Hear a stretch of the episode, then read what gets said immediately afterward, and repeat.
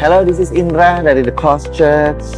Ini adalah channel podcast kami. Terima kasih udah tune in dengan channel ini, saudara. Kami berharap bahwa setiap message kami dapat membukakan lebih siapa Tuhan, saudara, dan Injil kasih karunia dan apa yang Yesus sudah lakukan di kayu salib kiranya membebaskan kehidupan saudara. Di dalam nama Yesus. Enjoy the message. God bless you. Pagi The Chaos, apa kabar saudara semua? Eh, hari ini kita sedikit berbeda format formatnya saudara. Karena ada acara di biasa kita syuting di hari Sabtu tapi hari Sabtu kita ada acara dipakai gedungnya untuk keperluan yang lain. Jadi hari ini saya khotbah bukan di gereja saya khotbah di rumah Pastor Indra. Saudara dibantu dengan Pastor Christy yang membantu di slideshow Uh, sebelum saya khotbah saya ingin terima kasih kepada Pastor Indra yang memberikan kesempatan kepada saya untuk khotbah. Dia- beliau juga yang tidak henti-hentinya mentraining saya dalam berkhotbah dalam pelayanan saya dalam pastoran saya. Thank you so much Pastor Indra. Dan saya ingin juga mengucapkan terima kasih untuk teman-teman worship teman-teman yang ada di bagian audio yang tidak henti-hentinya setiap minggu untuk melayani kita bersama supaya online service ini bisa tetap berjalan. Thank you so much. Aku berdoa, saya berdoa biar Tuhan yang membalas setiap kebaikan saudara semua. Untuk saudara yang di rumah, terima kasih udah tune in terus di online service kami. Saya berdoa bahwa hari ini, saudara ketika saudara menyaksikan video hari ini, bukan hanya sekedar formalitas, tapi ada transformasi terjadi dalam hidup saudara. Ada transformasi terjadi dalam kehidupan sehari-hari saudara, baik secara skill, baik secara knowledge, dan secara apa pun. Hari ini topik saya adalah transformation in grace. Setiap daripada manusia di muka bumi ini, saudara, pasti ingin menjadi lebih baik, baik secara karakter, baik secara rohani, baik secara finansial. Kita ingin menjadi lebih baik dalam hal apa pun di dunia ini yang kita temui, saudara. Mungkin ada di antara kita yang berpikir sudah ada rencana lima tahun ke depan saya harus jadi direktur mungkin lima tahun ke depan sa- saudara sudah buat plan terbaik untuk diri saudara akan jadi seperti apakah diri saudara lima tahun lagi mungkin saudara juga bertanya dalam waktu lima tahun ini lima tahun ke belakang apakah saudara sudah upgrade diri saudara? Apakah apakah saudara sudah menjadi seseorang yang menjadi lebih baik lagi? Kita sebagai orang Kristen apalagi saudara? Tuhan berkata kita adalah garam dunia.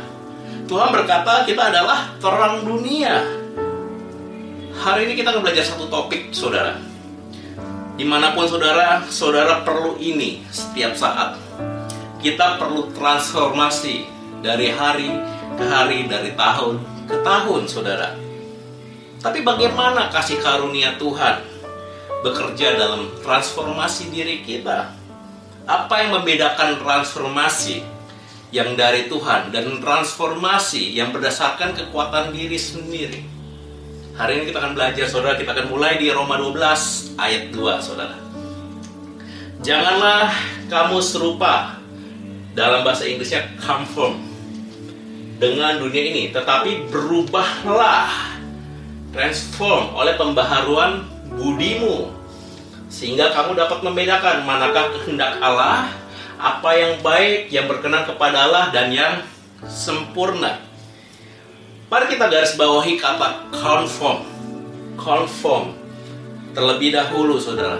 Arti kata conform dalam bahasa eh, aslinya artinya to make alike untuk saudara bisa berubah dalam external appearance.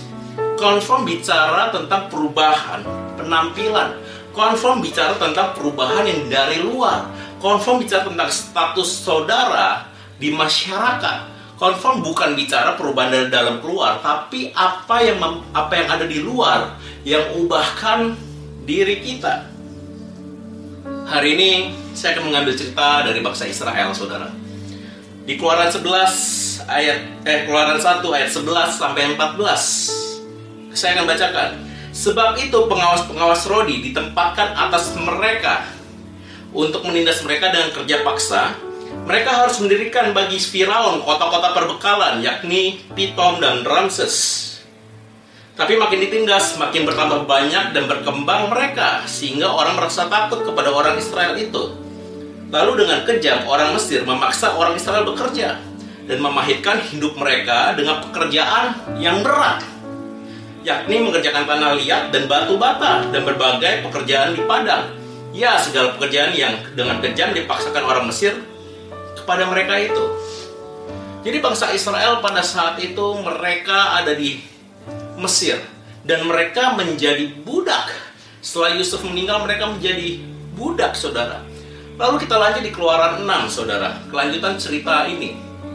Sebab itu katakanlah kepada orang Israel, Akulah Tuhan, aku akan membebaskan kamu dari kerja paksa orang Mesir, melepaskan kamu dari perbudakan mereka, dan menebus kamu dengan tangan yang teracung, dan dengan hukuman-hukuman yang berat. Aku akan mengangkat kamu menjadi umatku, dan aku menjadi Allahmu, supaya kamu mengetahui bahwa akulah Tuhan Allahmu yang membebaskan kamu dari kerja paksa orang Mesir. Dan aku akan membawa kamu ke negeri yang dengan sumpah telah kujanjikan memberikannya kepada Abraham, Ishak, dan Yakub. Dan aku akan memberikan kepadamu untuk menjadi milikmu, akulah Tuhan. Tapi lihat apa respon dari bangsa Israel. Lalu Musa mengatakan demikian kepada orang Israel. Tetapi mereka tidak mendengarkan Musa karena mereka putus asa.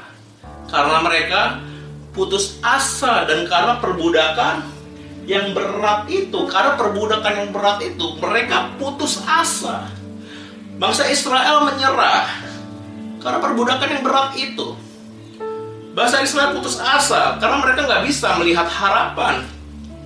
Bangsa Israel sudah terlalu lama menjadi budak. Tapi ada hal yang menarik di sini, saudara. Sebelum saya lanjutkan, kita lompat sebentar, saudara. Ada hal yang menarik di sini, saudara. Tapi Tuhan insist ketika meskipun mereka menyerah, saudara, Tuhan nggak menyerah. Ketika bangsa Israel mereka putus asa, mereka sudah terbiasa, mereka terpengaruh oleh dunia luar, mereka terpengaruh karena mereka budak, mereka menyerah, mereka nggak melihat lagi harapan. Tapi Tuhan melihat harapan, tapi Tuhan menaruh harapan. Tuhan insist, meskipun mereka nggak percaya, Tuhan insist Tuhan lakukan lewat Musa. Tuhan bekerja di balik layar untuk bangsa Israel. Tuhan Yesus, meskipun mereka putus asa, Tuhan do something yang mungkin bangsa Israel nggak tahu saat itu. Tuhan bekerja di balik layar. Bagaimana dengan saudara? Kau mungkin sudah menyerah dengan keadaanmu. Kau mungkin sudah putus asa dengan keadaanmu. Kau sudah terbiasa menjadi hal, maksud saya, uh, di luar mungkin buruk, saudara. Di luar mungkin saudara merasakan sakit penyakit yang tidak kunjung sembuh dan saudara berpikir it's a new normal. Tapi Tuhan insist meskipun kau menyerah, Tuhan akan menyelamatkan saudara. When you have surrender, saudara, God will not give up on you. Meskipun saudara menyerah, Tuhan nggak akan menyerah. Tuhan insist Meskipun mungkin saat ini saudara menunggu dan mungkin saudara menemukan jawabannya, tapi Tuhan bekerja di balik layar untuk saudara. Itulah confirm saudara. Bangsa Israel melihat keputusasaan, tidak lagi melihat harapan karena mereka menjadi budak, saudara. Ada satu lagi contoh mengenai kata confirm atau serupa. Setelah berapa uh, Seberapa saat kemudian bangsa Israel keluar dari Mesir dan mereka sedang berada di padang pasir. Di Keluaran 32, Saudara. Bisa kita next. Ketika bangsa itu melihat bahwa Musa mengundur-undurkan delay turun dari gunung itu, maka berkumpullah mereka mengerumuni Harun dan berkata kepadanya, "Mari buatlah untuk kami Allah yang akan berjalan di depan kami. Sebab Musa ini, orang yang telah memimpin kami, keluar dari tanah Mesir, kami tidak tahu apa yang terjadi dengan dia. Next. Lalu berkatalah Harun kepada mereka, tanggalkanlah anting-anting emas yang ada pada telinga istrimu, anakmu, laki-laki dan perempuan, dan bawalah semuanya kepadaku. Lalu seluruh bangsa itu menanggalkan anting-anting emas yang ada pada telinga mereka dan membawanya kepada Harun. Diterimanya lah itu dari tangan mereka, dibentuknya dengan pahat dan dibuatnya daripadanya anak lembu tuangan.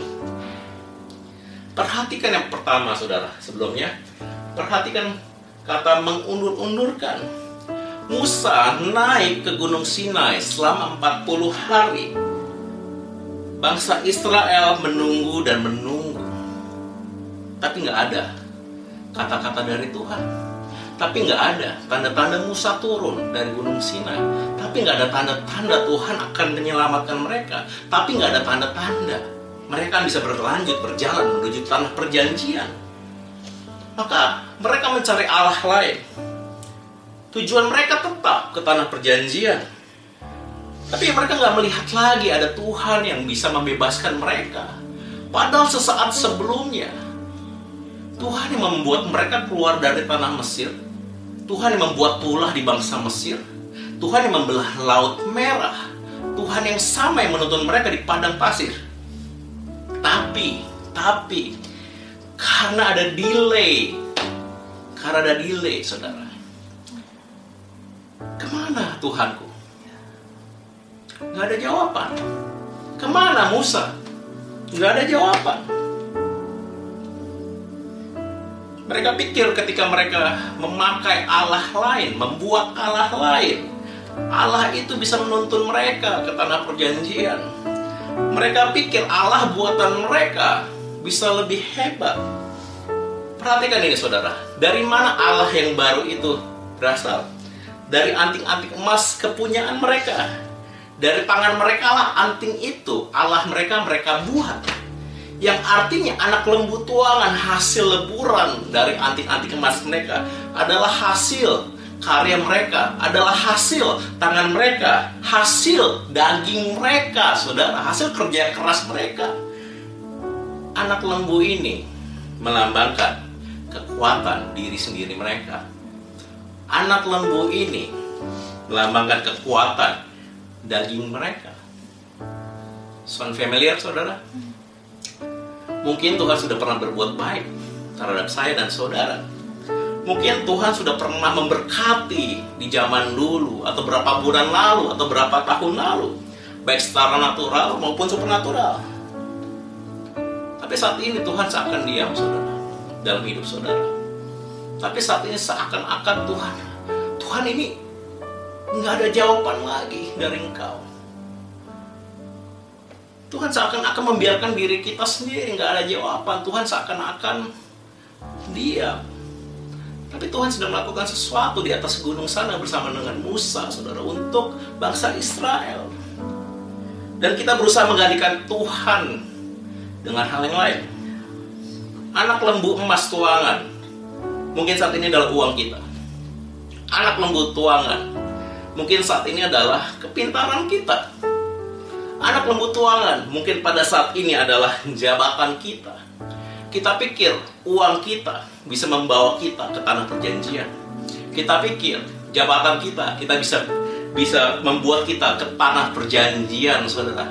Ada Allah lain yang lebih hebat, ada Allah lain yang real di depan mata, dan ada Allah lain yang wah ini di depan mata saya.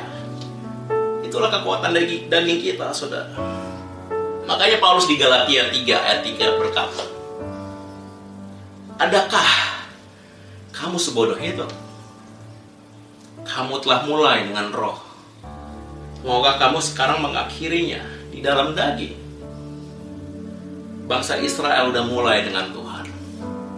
Bangsa Israel sudah mulai start yang sangat baik. Tuhan menuntun mereka, mereka mengandalkan Tuhan. Tapi saat itu mereka mengganti dengan apa? Dengan Allah lain, buatan mereka sendiri, hasil daging mereka sendiri. Tapi ada kabar baik, saudara. Tetap ada kabar baik. Bangsa Israel di tengah ketidaktaatan mereka, Tuhan masih sertai. Tuhan mungkin marah pada saat itu, tapi Tuhan nggak pernah cancel janji Tuhan menuju ke tanah perjanjian. Tuhan tetap naungi bangsa Israel. Tuhan tetap turunkan roti mana. Tuhan tetap buat tiang awan. Tuhan perhatikan setiap detail untuk bangsa Israel, meskipun mereka tidak taat. Demikian juga dengan saudara. Your unfaithfulness doesn't cancel God faithfulness, saudara. Ketidaktaatan kita, dosa kita, ketidaksempurnaan kita tidak akan mengcancel janji Tuhan dalam hidup saudara. So saat itu bangsa Israel serupa, mereka terconfirm dengan apa? Dengan sebuah delay dengan sebuah keadaan yang seakan-akan Tuhan nggak ada. Mereka terpengaruh dari luar. Jadi inilah arti kata confirm, saudara. Mereka berubah, bukan dari dalam keluar. Mereka berubah oleh keadaan mereka. Sehingga mereka berubah, saudara. Lalu kita balik lagi di Roma 12 ayat 2, saudara. Janganlah kamu menjadi serupa. Saya tadi sudah jelaskan kata serupa dengan dunia ini, tetapi berubahlah, transform. Saat ini kita akan bahas arti kata transform, saudara.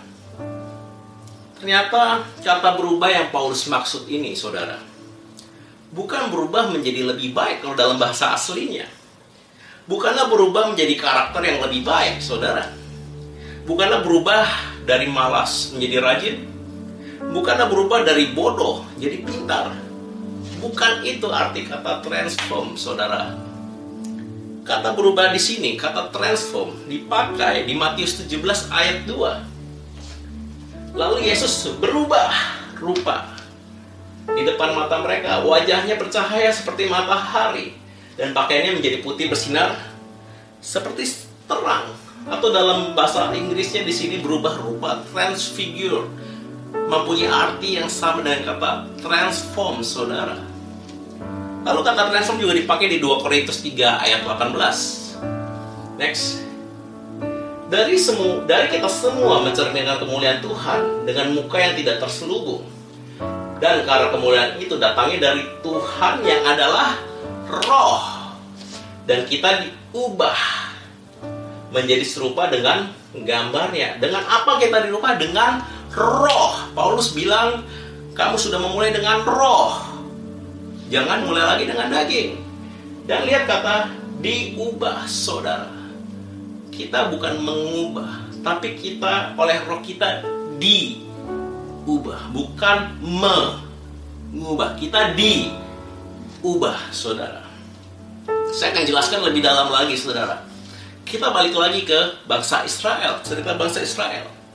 Setelah dari kejadian itu kurang lebih 38 sampai 40 tahun berlalu, Saudara, bangsa Israel saat itu belum menduduki tanah perjanjian. Dan Musa telah wafat. Tampuk kepemimpinan diserahkan kepada Yosua. Dan cerita ini berlanjut. Sesaat pada saat bangsa Israel ada di per perbatasan tanah perjanjian, mereka hendak menyerang Yeriko Sesaat lagi mereka sampai ke Yeriko. Dan inilah firman Tuhan di Yosua 3 ayat 5 sampai 6. Berkatalah Yosua kepada bangsa itu, kuduskanlah atau dalam bahasa Inggrisnya adalah consecrate dirimu. Sebab besok Tuhan akan melakukan perbuatan yang ajaib di antara kamu. Dan kepada para imam itu Yosua berkata demikian, angkatlah tabut perjanjian dan menyeberanglah di depan bangsa itu maka mereka mengangkat tabut perjanjian dan berjalan di depan bangsa itu. Kuduskanlah atau dalam bahasa Inggrisnya consecrate, saudara. Atau dalam bahasa aslinya atau adalah to set apart. Ketika saya dulu pertama kali melihat ayat ini, saudara, banyak pengertian tentang arti kata kuduskanlah. Ada yang berkata bahwa kuduskan artinya kamu nggak boleh berbuat dosa. Kamu harus puasa. Kamu nggak boleh melakukan sesuatu, segala sesuatu yang tidak dari Tuhan. Kuduskanlah, maka kamu akan bisa menyerang. Tapi ternyata kuduskanlah mempunyai arti yang berbeda, saudara. Kuduskanlah mempunyai arti yang kurang lebih seperti ini, saudara. Mereka harus separate themselves. Mereka harus memisahkan diri mereka from flesh dari daging mereka dan put themselves in God. Mereka harus keluar dari dirinya. Mereka harus uh, mematikan kedagingan mereka dalam arti tidak terfokus kepada daging mereka dan mereka memusatkan 100% pikiran mereka kepada Tuhan. Saya ingin jelaskan dengan kata yang lebih simple yang kita mungkin semua bisa pahami, saudara. Saya analogikan kata kuduskanlah dengan satu kata ini, saudara. Satu saudara ini adalah all in. All in, saudara. Kalau saudara tahu, arti kata all in adalah ketika saudara bermain poker di di handphone atau mungkin saudara hobi beneran di kasino, saudara. Ada amin, saudara. Tobat kamu, saudara. Just kidding, saudara. Saudara, ketika saudara all in, saudara main poker misalnya, saudara akan mempertaruhkan uang saudara karena saudara sangat yakin dengan kartu saudara, saudara pasti menang. Saudara taruh semua chip saudara, semua uang saudara, bahkan masa depan saudara ke dalam sebuah satu kata, all in. Saya serahkan semua harta saya karena saya yakin menang di dalam uh, permainan poker saudara. Karena begitu yakinnya saudara bahwa saudara akan menang, saudara rela mempertaruhkan uang atau bahkan masa depan Makanya banyak yang bangkrut saudara karena salah kalkulasi. Satu kata itu adalah all in saudara. Ada banyak cerita di dalam Alkitab yang menceritakan bagaimana mereka all in saudara. Salah satunya adalah satu orang ini. Di Markus 14 ayat 3 sampai 5 saudara. Ketika Yesus berada di Betania, di rumah Simon si Kusta, dan sedang duduk makan, datanglah seorang perempuan membawa suatu buli-buli pualam berisi minyak narwastu murni yang mahal harganya. Setelah dipecahkannya leher buli-buli itu, dicurahkanlah minyak itu ke atas kepala Yesus. Next. Ada orang yang menjadi gusar dan berkata kepada yang lain, Untuk apa pemborosan minyak narwastu ini? Sebab minyak ini dapat dijual 300 dinar lebih dan uangnya dapat diberikan pada orang-orang miskin lalu mereka memarahi perempuan itu. Wanita ini datang membawa buli-buli pualam dari dari dari botolnya aja. Itu sudah sangat mahal saudara. Apalagi isinya tapi saudara perlu tahu background dari seorang wanita ini adalah dia seorang maaf prostitut saudara seorang wanita penghibur minyak ini adalah senjata dalam tanda kutip ketika mereka menjajakan diri mereka kepada para customernya, minyak ini adalah harta mereka. Minyak yang dibawa wanita ini adalah minyak yang dibeli dan dikumpulkannya dengan biaya 300 dinar. 300 dinar di dalam Alkitab, di kitab yang lain, adalah gaji yang didapat selama satu tahun, saudara. Wanita ini memberikan all in dia menyerahkan apa yang menjadi senjatanya. Dia menyerahkan apa yang menjadi bagian dari pekerjaannya. Dia memberikan semuanya ketika dia melihat Yesus. Dia memberikan semua dia all in. Saudara, ada satu lagi contohnya ketika uh, uh, seorang seorang yang memberikan all in dalam hidupnya, saudara. Salah satu contoh lagi adalah Elisa. Kalau saudara ingat, dia membakar semua peralatan bajaknya saat Elia datang dan dia menyuruh untuk Elisa ikut, dia membuang, membakar semua bajaknya. Kerbaunya dia barbekyuin, saudara. Dia melepaskan pekerjaannya. Elisa, all in, saudara. Dan saudara masih banyak lagi tokoh-tokoh dalam Alkitab yang all in, saudara. Zacchaeus, dia membalikan seluruh apa yang menjadi bukan haknya. Seluruhnya dia berikan Ketika mah wanita yang tadi ini, dia all in, dia bergantung 100% kepada Yesus. No turning back, saudara. Udah nggak bisa lagi dia bekerja sebagai seorang prostitut. Bagi wanita ini nggak ada 80% Tuhan dan 20% kekuatan diri sendiri. Dia menyerahkan 100% saudara. Elisa nggak menyerahkan, oh ya kerbaunya gue simpen, alat baiknya gue bakar. Jadi kalau kenapa-napa, ntar gue bisa balik. Bajak lagi kerbau. Enggak saudara. Listen saudara, remember this. Kekristenan itu bukan 80% kasih karunia dan 20% kekuatan diri kita sendiri. Kekristenan itu adalah 100% is all about grace, saudara. 100% bergantung kepada Tuhan. 100% bergantung kepada kekuatan Tuhan. Saya lanjutkan, saudara. Cerita dari bangsa Israel. Lalu tibalah momen di mana bangsa Israel mulai menyeberang, saudara. Mereka consecrate diri mereka, mereka menguduskan diri mereka. Mereka tidak lagi melihat apa yang mereka bisa lakukan, tapi mereka melihat apa yang Tuhan bisa lakukan. Yosua 3 ayat 14 sampai 17.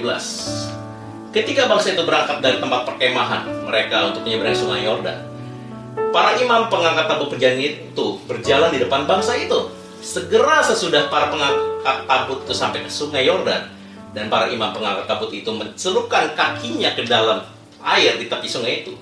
Sungai Yordan itu sebak sampai meluap sepanjang tepinya selama musim menuai. Next. Maka berhentilah air itu mengalir. Air yang turun dari hulu melonjak menjadi bendungan jauh sekali dekat Adam, kota yang terletak di sebelah selatan.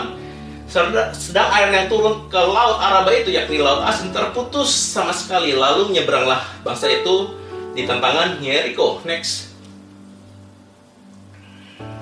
Tapi para imam pengangkat tabut perjanjian Tuhan itu tetap berdiri di tanah yang kering. Di tengah-tengah sungai Yordan. Sedang seluruh bangsa Israel menyeberang di tanah yang kering. Sampai seluruh bangsa itu selesai menyeberangi sungai Yordan. Dan inilah saat, saat bangsa Israel pada saat mereka all in, saudara. No turning back. Mereka bergantung 100% kepada Tuhan. Dan mereka berjalan di depan sungai Yordan, saudara. Lebar sungai Yordan pada saat mereka menyeberangi sungai itu adalah 60 meter. Dengan kedalaman paling rendah 3 meter, paling dalam 6 meter, saudara. Dan pada saat mereka menyeberang, air pada saat itu sedang pasang. Musim itu sedang pasang airnya.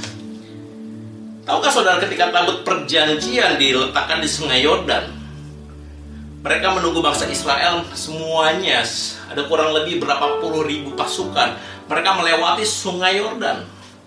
Dan sungai Yordan adalah sebuah simbol, saudara.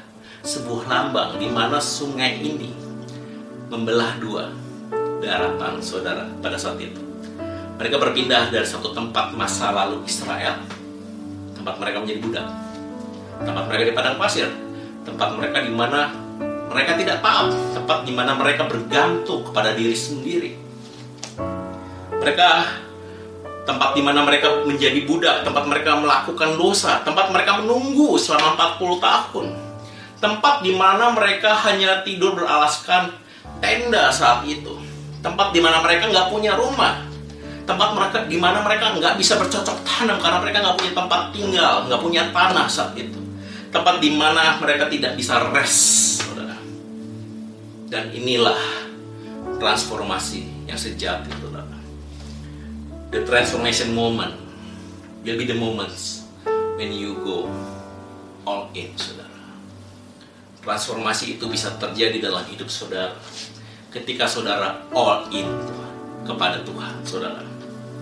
Bangsa Israel mendapatkan tanah perjanjian ketika mereka consecrate, ketika mereka all in. Ketika bangsa Israel bergerak, saudara bayangkan pada saat itu ada sungai Yordan 60 meter di depan mereka. Apa yang bisa mereka lakukan? Nggak ada lagi pertanyaan bagi bangsa Israel, saudara Meskipun ada sungai Yordan di depan mereka, tidak ada lagi keraguan lagi. Meskipun ada tembok Jericho, saudara. Tidak ada lagi suam-suam kuku ketika mereka melihat kota yang begitu besar, kota yang isinya raksasa. Mereka semua all in kepada Tuhan. Ini sama dengan saudara ketika saudara mempercayakan Tuhan 100%. Hasilnya akan jauh berbeda, saudara ketika bangsa Israel percaya kepada Tuhan 50% dan percaya kepada diri sendiri 50%. Bangsa Israel mungkin nggak bisa masuk ke tanah perjanjian apabila mereka melihat ada sungai Yordan di depan mereka dan mungkin mereka membuat perahu terlebih dahulu. Mungkin mereka membuat jembatan terlebih dahulu. Wah, sungai Yordan begitu begitu lebar, 60 meter. Oke, kita buat perahu terlebih dahulu. Mungkin akan lain ceritanya. Tapi mereka percaya pada tabut perjanjian. Mereka bergantung 100% kepada Tuhan. Kekuatan kekuatan bangsa Israel nggak bisa membuat air sungai Yordan berhenti. Sama seperti kita, saudara. Tuhan tahu kekuatan kita sendiri nggak bisa menstop aliran sungai Yordan, saudara. Tuhan tahu seberapapun kita berusaha menyeberang sungai Yordan, kita nggak akan bisa, saudara. Tuhan tahu bangsa Israel nggak mampu di sungai Yordan, dia buka jalan Tuhan lihat bangsa nggak mampu di padang pasir, saudara. Dia kirimkan roti mana, saudara. Tuhan lihat bangsa Israel nggak mampu menyeberang laut merah, dia belah laut merah, saudara. Tuhan juga lihat kamu, Tuhan juga lihat saudara. Tuhan, Tuhan mengerti kamu nggak bisa melewati percobaan ini sendiri. Tuhan lihat kamu sudah seberapa kuatnya, seberapapun kuatnya kamu, kamu selalu gagal. Tuhan lihat itu, saudara. Tuhan mengerti keadaan kamu. Tuhan lihat sungai Yordanmu, saudara. Tapi ada hal yang lebih luar biasa lagi, saudara, hari ini. Ketika kita belajar all in, saudara. Kita bicara all in bukan berarti kita harus mengorbankan semuanya. Kita mengurus tabungan kita. Ketika saya ber, ber, berbicara tentang all in hari ini, saudara. All in bicara bagaimana saudara mempercayakan Tuhan 100% bukan 90%, bukan 80%, tapi di sinilah the amazing thing yang sudah terjadi saudara. Tuhan sudah all in terhadap diri saudara dan saya. Kenapa? Karena dia sudah memberikan apa yang terbaik dari dia untuk kita. Di Yohanes 3 ayat 16. Next. Karena begitu besar kasih Allah akan dunia ini, sehingga ia telah mengaruniakan anaknya yang tunggal supaya setiap orang yang percaya kepadanya tidak binasa melainkan beroleh hidup yang kekal. Sebab Allah mengutus anaknya ke dalam dunia ini bukan untuk menghakimi dunia melainkan untuk menyelamatkan oleh dia. Jadi Tuhan yang sudah terlebih dahulu all in terhadap diri saudara dan saya. Tuhan telah terlebih dahulu memberikan anaknya yang tunggal untuk saya dan saudara. Apa yang paling berharga bagi Tuhan yaitu Yesus, saudara. Tuhan sudah berikan Yesus. Tuhan sudah mengorbankan Yesus. Dia sudah all in terhadap diri saudara dan saya. So this is grace, saudara. This is grace, saudara. Next. This is grace. Grace is when God gives us all in saudara so we can do all things saudara ketika Tuhan mengorbankan anaknya ketika Yesus mati di kayu salib Tuhan berkata through Christ kamu akan bisa melakukan segala hal saudara. This is the transformation saudara. The greatest moment bukan pada saat kita menjadi lebih pintar. The greatest moment bukan pada saat kita belajar dan menjadi lebih pintar, lebih lebih lebih banyak pengetahuan, lebih kuat, lebih kurus atau lebih apa pun, saudara. The transformation moment, saudara, ketika saudara all in, percaya kepada Tuhan, mengandalkan Tuhan, saudara. Seberapa besar kuatnya kita, seberapapun besar usaha kita, kita tidak akan bisa menyaingi, saudara. Betapa hebatnya Tuhan dalam hidupmu, saudara saya berdoa hari ini saudara untuk saudara yang merindukan transformasi. Ketika hidup saudara seakan-akan biasa-biasa aja saya berdoa hari ini ada transformasi yang terjadi dalam hidup saudara. Ketika saudara all in, ketika saudara mempercayakan 100% hidup saudara kepada Tuhan. Ketika saudara melihat ada delay saudara, tapi saudara tetap percaya dan saudara tetap menunggu. The transformation moment be happen in your life saudara. Tuhan berdoa Tuhan setiap pada orang yang menyaksikan video ini Tuhan bahwa ada perubahan Bapak Ya bukan kita yang mengusahakannya, tapi ada kekuatanmu Tuhan. Kita boleh diubahkan Tuhan, kami boleh diubahkan Tuhan. Boleh rohmu Tuhan, yang terus menerus memperbaharui akal budi kami Tuhan. Kami akan diubahkan Tuhan. Jadi manusia yang lebih baik, bukan karena kekuatan kami Tuhan, tapi karena Engkau Tuhan yang melindungi, yang menyertai dalam hidup kami Tuhan. In the name of Jesus. Amen. God bless you, saudara.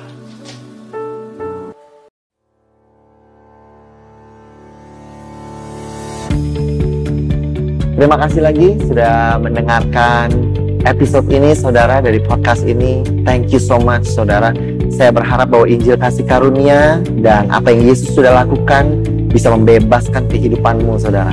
Kalau saudara diberkati, saya mengundang saudara untuk share saudara um, sermon ini baik secara pribadi kepada your friends and your family saudara atau you can screenshot dan kau bisa bagikan kepada sosial media saudara dan jadilah terang saudara. I hope um, message ini melalui saudara bisa memberkati lebih banyak orang lagi. Dan kalau saudara diberkati, saya mengundang saudara untuk subscribe kepada channel podcast ini. Again, I want to thank you. Berterima kasih kalau saudara mendengarkan dan mengizinkan dirimu diberkati dari apa yang kami lakukan. Terima kasih, Tuhan berkati. God bless you and bless you and bless you again. In Jesus' name. Amen.